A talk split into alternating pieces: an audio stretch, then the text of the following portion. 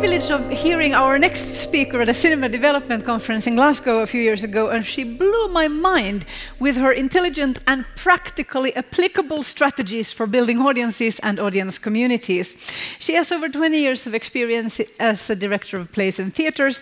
Today, she is the founder and artistic director of the Eclipse Theatre Company in Sheffield, who have built a passionate following, uh, even among people not uh, all otherwise attracted to theatre. And they have done this locally, they've done it in the cities where they go on tour, and increasingly internationally as well. Please welcome Dawn Walton.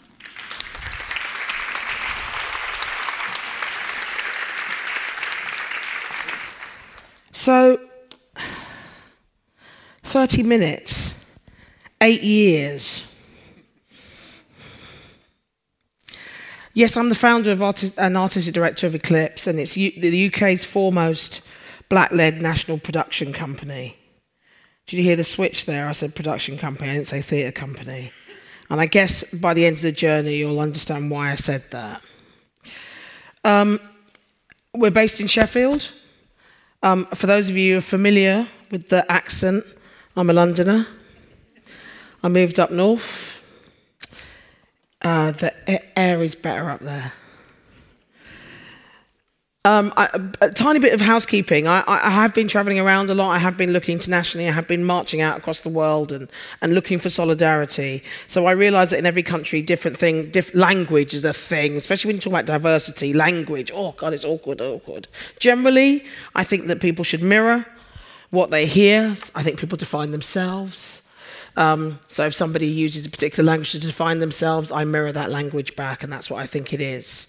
For me, and therefore for my organization, when I say black, what I'm actually referring to, I'm being inclusive of people who are marginalized for their race or ethnicity. That's what I mean. Um, I'm just going to talk a little bit about myself then talk about myself as an, as an artist, as an artistic director. Then I'm going to talk about why I started the company, and then that quick eight year journey. And then what you get today, quite exclusively, is that I've had some work done on my company, some data and pictures and stuff. And, and so that got sent to me yesterday, so I will share that with you today. Get you. Debut. Okay. So, um, I, I, I, um, I came to the arts later in life. I didn't grow up in a the kind of environment where we kind of went to the theatre and all that kind of stuff. Um, but I did discover it as a young adult. I thought it was kind of cool, and then I went and got a proper job because uh, that's what you do. And, um, and then later on, I worked out actually that, that this was something that I really did need to do. Uh, so I pursued it. I left that proper job and went and came and did this um, and found an even better job and life. More to the point. Uh, so I so I walked straight into an institution, having gone to university as a mature student, and then walked straight into the institution. That institution was the Royal Court Theatre, and I went there because I wanted to learn about new writing. I wanted to make new work. Um, and later on, uh, I worked at the National, the Young Vic. I even ran a department at the National Theatre Studio. I ran the National Theatre Studio for a year, did maternity cover for a year. So basically, the sort of laboratory, the new work department of the National, I was head of that department, which was not my plan. I just got asked to do it, and I was like, yeah, all right. And and and it was a very cool thing. So so so actually, when I was running National Theatre Studio, Warhorse was some actors, a stick, and a box. So it was really cool to see it later on once it developed on. Um, but there was a really interesting thing that was going on as an as an artist, as a as a director. Somehow the institutions, as lovely as they were, kept telling me one thing. They kept telling me I wasn't a director, kept telling me I was a black director. And that was by the offers they made for me, which were very few and far between, despite my extraordinary talent. Um, and they, but they really were. It was like that, that was the offers, certain offers. To this day, I think I've only ever been offered work that wasn't what the institutions think of as black work once in 22 years. So, if I'm going to be a black director, which incidentally I'm extremely happy with, I decided, thank you, thank you. Uh, I decided I was going to be the baddest black director you've ever seen. And so I started my company. And that company is Eclipse. Um, but what's more interesting, I hope, is that I started Eclipse uh, back in 2010 with a really simple principle. I was having a conversation with my mentor, and we were talking about it, and I was saying, you know, what is it? He's going, well, what irks you? And I was going, well, the thing that irks me actually is audiences, relationships that institutions have with audiences. So, Eclipse Theatre Company was started to be all about audiences. That's my starting point. And, it, and, and it's that thing of going to an institution, and you can still do this in London today. I don't care how groovy everybody thinks London is, how multicultural it is. I can still go to the theatre and be the only person of colour in that space. I can still go to the theatre, sit down, and someone will move their handbag to the other side of their body. This still happens in the theatre in London, but you can kind of fudge it in London because it's cool and groovy and you can't really tell. And, and, and, I'm, a, and I'm, you know, 20 odd years into theatre, maybe 30. Um, and uh, so, so I want to be somewhere where it's really clear where you can see. And so I moved up north to see it because you can really see it in regional theatre. And that's how I started Eclipse. And that's the thing I wanted to disrupt this idea that publicly funded spaces have exclusive audiences. This annoys the hell out of me. Uh, so I want to disrupt it, I want to reverse it, I want to destroy that. If, for want of a, a better example, uh, language. So I have made my company all about audiences. So that's the starting point. Right. So the first thing is series of things. I don't have loads of slides. I, can't, I hate PowerPoint. Can't be So I don't have loads of slides. You will, you will get some slides later, but you're to have to look at me. Sorry. Um, so the first thing was we looked at the programming. Buildings have really weird programming models. I don't know what they're based on, but they have very little to do with audiences. These patterns of programming. We program this in this way, and we program that this way, program that in this way. And then when you talk to audiences, they just go, I don't care. I just want to go and see some work that I really like. So that's really interesting to me. But what, but what there are are massive gaps. And in terms of protective characteristics, if you like. And I think Eclipse operates on at the intersection of all those protective characteristics. We lead specifically on black work, and there was no black work on the middle touring network at all. No work of scale. If you're looking for work from black artists, they were on for one night in that tiny little space over there. And if those 50 people get to see it, that's it. Nobody else gets to see it. And I, and I would see this all the time. I'd see work happening in London in a little space over there, and I'd be going, they kill for that in Leeds, they kill for that in Sheffield, they love that in Manchester, but it's not moving, they're not seeing it. So touring makes sense to me, moving the work around, leading with black, with for, unashamedly forefronting the black experience is what I'm doing. Um, and I'm not doing black Shakespeare or black Brecht which I'm constantly asked to do. And that's okay. If you want to do that, that's all right. But I, I don't, it's not for me. And that's probably the nicest thing I should say.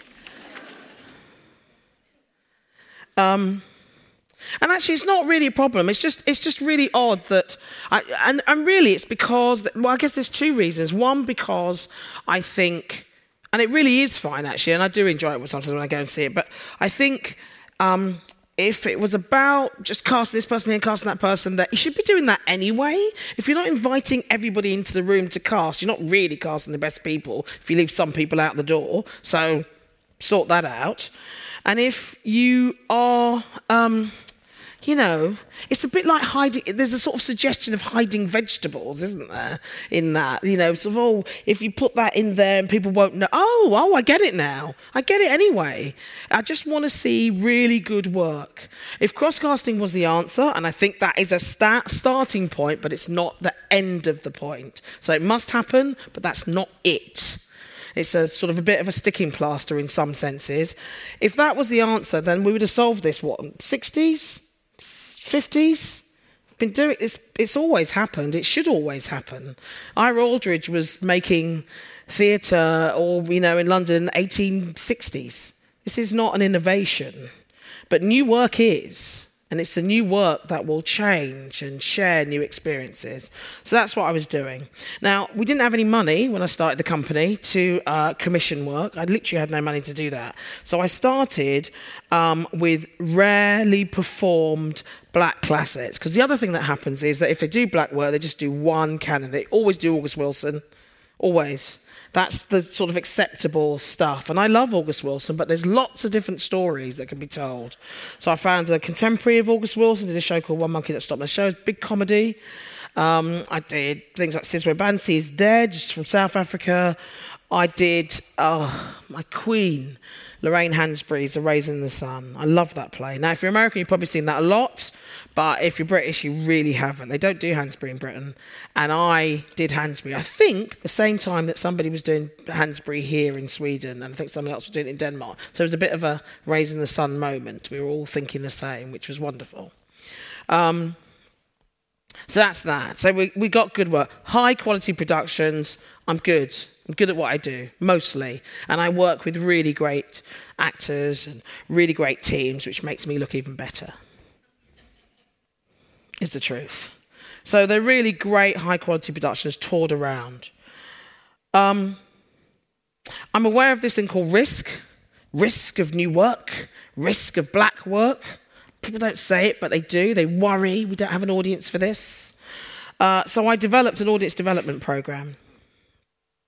I was like, you know, it's the old, you know, if you book them, if I book it, if you book it, they will come, and I'm going to bring them. It was essentially what I did.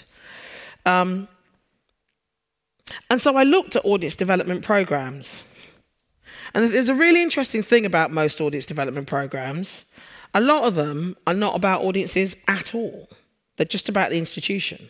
It's just the institution wants to sell more tickets, so they start an audience development program so that the people will sell tickets. So they sell tickets to the people when they come in through the door. That's essentially what it is. There's no real spirit of relationship. But Eclipse is about audiences. So our audience development is about the audiences. It's about what they want. It's about understanding them better. And they tell me what they need. Right. So we um, started, um, and I stole this actually, so I always give the credit back. I looked at what black and Asian touring companies were doing like in the 1970s and 80s. And they were making community wherever they went. Um, so I recalibrated it for this century, and off I went. And it's really about going to the cities. We're a touring company, so we worked. Out, I worked out that we needed to go to the city and identify the person. There's always someone in so-called hard-to-reach communities, because um, I can always find them. Uh, that that are about that, that, that, are really motivated to you know get the minibus and take people down to you know take a whole batch of people down to london or to another city to see a show because there's nothing locally. They will do that. There's always someone that does that um, or someone who will organize events or that sort of work. So that's kind of the person in principle that you're looking for. Um, and once you find that person um, you approach them you talk about having an evening. You get the venue that you're going to talk to to, uh, uh, to give us a space, give us the space, and we have an evening in the venue. And then you let the word of mouth, and the cultural ambassador, the, the keen local person, will invite people, and they'll invite people. You have an evening, probably about 30 people. But all those 30 people are connected to groups and organisations, and they come along. And then I keep the formal bit about Eclipse really small, probably about 10 minutes. So I'm lucky you're getting the 30 minute version today. But about 10 minutes, and we talk a little bit. You know, there's some twiglets and some, some wine, and, and then it's an informal gathering with food. It's a social. People talk. Sometimes people are meeting for the first time in that space. Um, and it can take any form. It's been taking lots of different forms and it's developed over the years. But essentially, you have a social gathering. You usually do it about two months beforehand, roughly, just so there's time for word of mouth. And then by the time the tour comes, the people who are the last, usually, to know about the show have become the first people to know. And they book and they come. So that's that. Um, So that was the first thing. And that worked. I think the first time I did it, I did it in Leeds. I was doing this work myself of an evening after rehearsals. And when I did that show, the book, the new bookers for that show was 40%. New bookers walked into that theatre for that show, uh, which I was pretty pleased with. Now, once you've met all these people and had this genuine relationship with them, and understood a little bit about their lives, whether she's the, the hairdresser that also runs a women's health group of 35, 36 people, or this is a woman that runs a choir over here, or a centre over there, or a walking group over there. I'll come back to that. Um, I wanted to maintain a relationship with that audience and I didn't have any means. This is in, this is in 2012. My times have changed, but at the time there was there was just no way. I didn't want to leave those people at the mercy of the venues who were a little bit patronising still to those new audiences. And the only way I could think of doing it was to, and they wanted to stay in touch with us. So the only way I could think of doing it was to uh, create an online presence, a sort of virtual presence, was my grand idea. Uh, everybody's looking on YouTube. If they can't find what you want locally, you go on YouTube, look at web series, whatever. There was some awful stuff, but people really loved it. So I was thinking I could do better than that. So I made films. I made 10 films. I found some money, I got commission, and I made 10 films. I'd never made films before, but uh, it was this thing called The Space. And those 10 films, I wanted to work with new writers. Now, the thing that was really interesting, that in amongst the Cultural Ambassador evenings um, and all those events, there were, guess what, artists. Artists turned up to those events, black artists had no relationship with those venues, that worked in the underground, worked in different economy almost, if you like. And so I knew there were writers. And I'd say to the theatres, Oh, have you got any black writers in this area? They go, Dawn, if there was a black writer in this city, we'd know who they were. There are none. And meanwhile, I was meeting these people at these events. And I go, Do you have any relationship with this building? They go, No. I send them stuff, they don't read it, they don't reply, not interested. So something's going on there.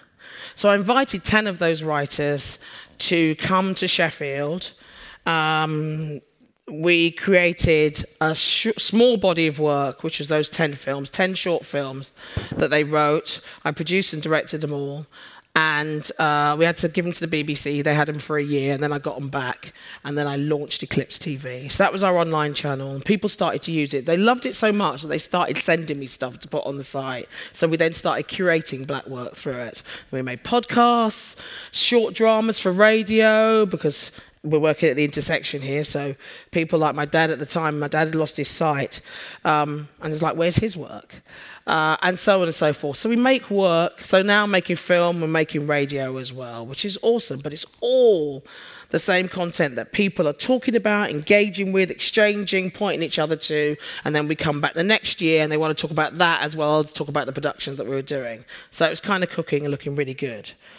Now, um, the cultural ambassadors, because we have a regular conversation, then started to contact us and say, Well, where's other work? You're only doing this once a year. Where's the other work? So then we started to do newsletters, round up work across the country. The minibus used to be going out, they'd be sorting themselves out, going to see something over in Manchester, going to see something over in Leeds, come down to London to see something, etc. So people started travelling to see work, which is great. We can facilitate that. How do our children get involved in this? My child wants to be involved in the industry, so we start sweeping up those opportunities put that out in a newsletter and getting that stuff out. So we're now trying to influence what's going on, who can be part of this. These are audiences, remember, who can be part of it. And it occurred to me at one point that perhaps instead of us going around the country trying to deliver all the audience development, what if those cultural ambassadors themselves who gave up time and should be paid for their time became the people who delivered the audience development. So, went off, found a pot of money, trained 10 audience development people from around the country for our tour, and they uh, same peer to peer learning up in Sheffield, spend time with us, trained them. They already have their own ideas. They know what their community is. They come up with their own event ideas. I tell them what it is. They have much better ideas than me for their local community. They have the relationship. So we gave them specific skills in terms of data capture and all that kind of formal, slightly formal stuff how to organize things, how to create stuff, how to have that negotiation with a venue uh, when they want to take over, what, when they want to um, sort of appropriate what you're doing and turn it into something formal and about the institution, how to kind of stand your ground and be confident about that. So now we have trained and delivered audience members into the workforce across the UK. And you'll see the results of what they did more recent uh, towards the end of this nine minute speed up. Um, those same culture ambassadors says, we love what you're doing, we want more and more often. That's what we want. We want more. We want to see more of that work. And I thought, well, that's a good idea. So I worked with 15 writers um, over three years and started our first movement. It's a movement because everything we do has a legacy in it. It's not meant to be an initiative or a scheme that kind of happens for a bit and then we stop. It's meant to go on beyond me into something else. Uh, we started Revolution Mix. Revolution Mix is the is the the largest amount of new Black British writing, and it's delivered in regional theatres across the country. It's delivered in theatres. It's delivered in, on film, and it's delivered in radio. Uh, and we've been making that work and developing that work. Earlier this year, oh, the jumping off point is 500 plus years of Black British history. What? The theory being, and it is my theory, and I'm right, is that we're enriching the canon because there are missing stories in the British story. They're all missing, and all the missing stories are black. That's my thesis. And they're the ones we're telling. And by the way, nobody else has told these stories or looked at those stories or engaged them stories. So this is great territory for us. This is original, innovating work. Um, oh, Thank you. I'm going to show you the trailer for the first one because we toured it earlier this year. Hit it.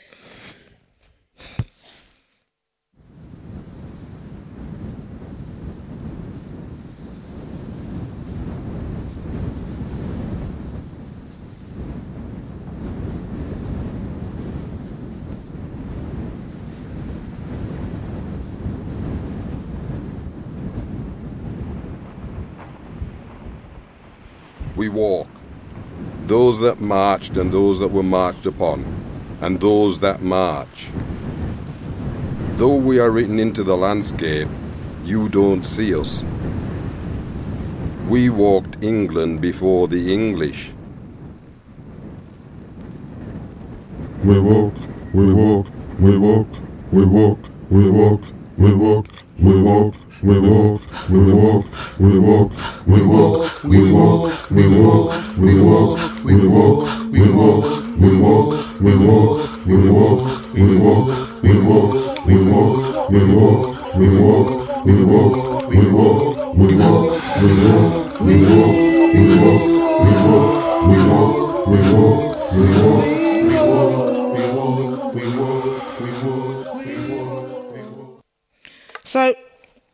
that's Black Men Walking.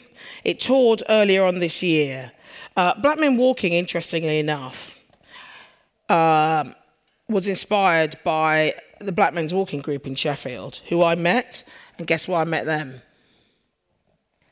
No, because I'm not. I'm not a walker. Well, I wasn't until I met them. I actually met them in a cultural ambassadors evening. They came to our audience development. That's how I met them. Um, and in the course of having conversation, and because I asked them what they do rather than me blah on about what I do, unlike now, um, they told me they were. One of them said, "Oh, we have a walking group. We've been going for 15 years. We walk in the Peak District."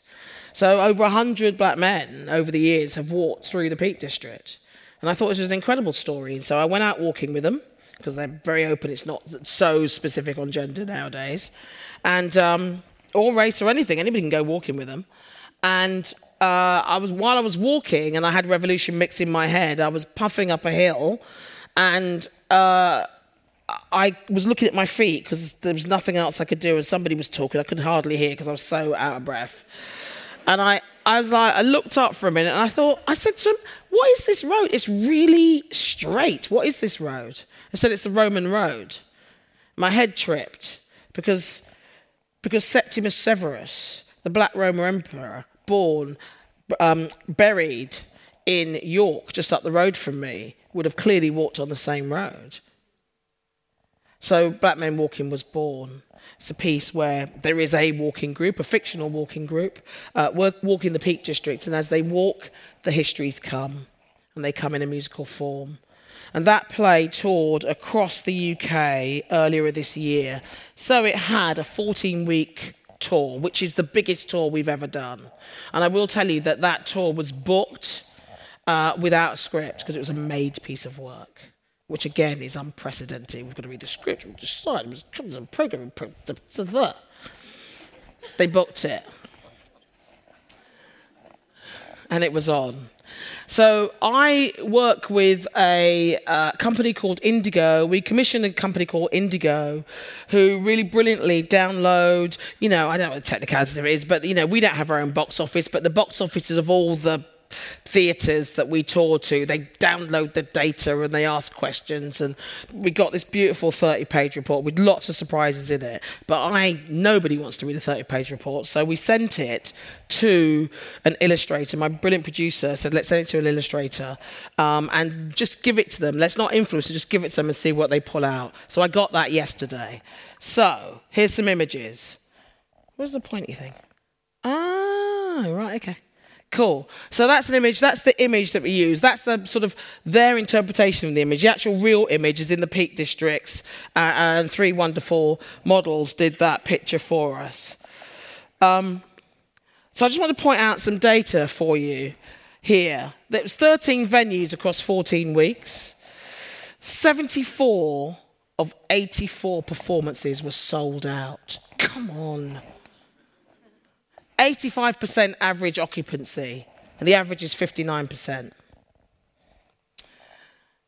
Average ticket price. There's a whole idea that actually, if you want different people to come to your audiences, you've got to give away free tickets and drop the price. And I get in some cases that's very true, but that's not always the case. That's not always the reason why people don't come. And that's not the case with this. Um, this was the one that really threw me average lead booking time. I thought our, our audiences booked last minute, but actually, nearly two months in advance they bought. When did we do our audience development? Two months. And that's against an average, which I think the average is about 23 days, and we were doing 51 days in advance booking. So that's one thing. Um, you can see um, audiences, different audiences. One of the things I always say, people always think that actually what Eclipse does is just look for an all black audience. That's actually not true. I'm really interested, I, me, Dawn Walton, I'm interested in a dialogue that happens in an audience when you have a diverse audience. There is a dialogue that happens in the audience. You can hear it. Heartbeats do sync. People do learn that it's okay to laugh, you know, permission to laugh. And all those things are really important. That's the stuff that I'm looking to cook in an audience. And if you don't have a diverse audience, you don't learn that. You don't learn anything. Don't, people don't learn about each other. People don't share stuff. But I love people coming in from different places, different time, different ages, and all leaving with a beautiful shared experience, all leaving the same way. And that's what was happening with this. Has always happened with Eclipse work, but has really happened with this production. What that says down the bottom there, there's a line, it says, only black audiences want to see black work, and it's all been crossed out, which is my favourite thing. It's very annoying, didn't get it on the uh, thingy. But 27% of the audiences were new bookers. That is because when you examine the data really closely, Eclipse audiences score highly not only on the hard to reach, higher than venues, but we also score highly on experience seekers, people who want to see different work, work they just would never get to see normally. We score at both ends. Um, I'll skip some of this now because um, there's an anecdote, but you can tell you can buy me a drink, and I'll tell you that later. Um, Risk, financial risk blown away, audience risk blown away, quality risk. How dare you? We walk. There's one last thing I want to say.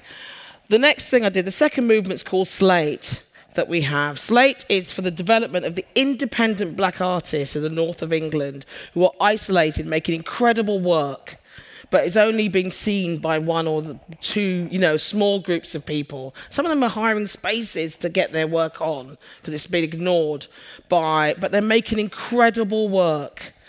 Um, one of those was one of the artists that I invited to work with me to make Black Men Walking.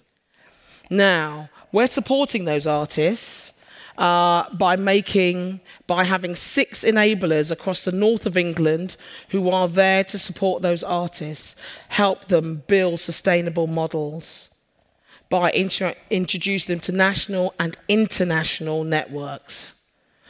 Um, that movement and those artists, I know they exist because they were turning up to our audiences, their audiences and they're already making work. And there are incredible things happen. Again, you'll have to look up on our website to talk about it.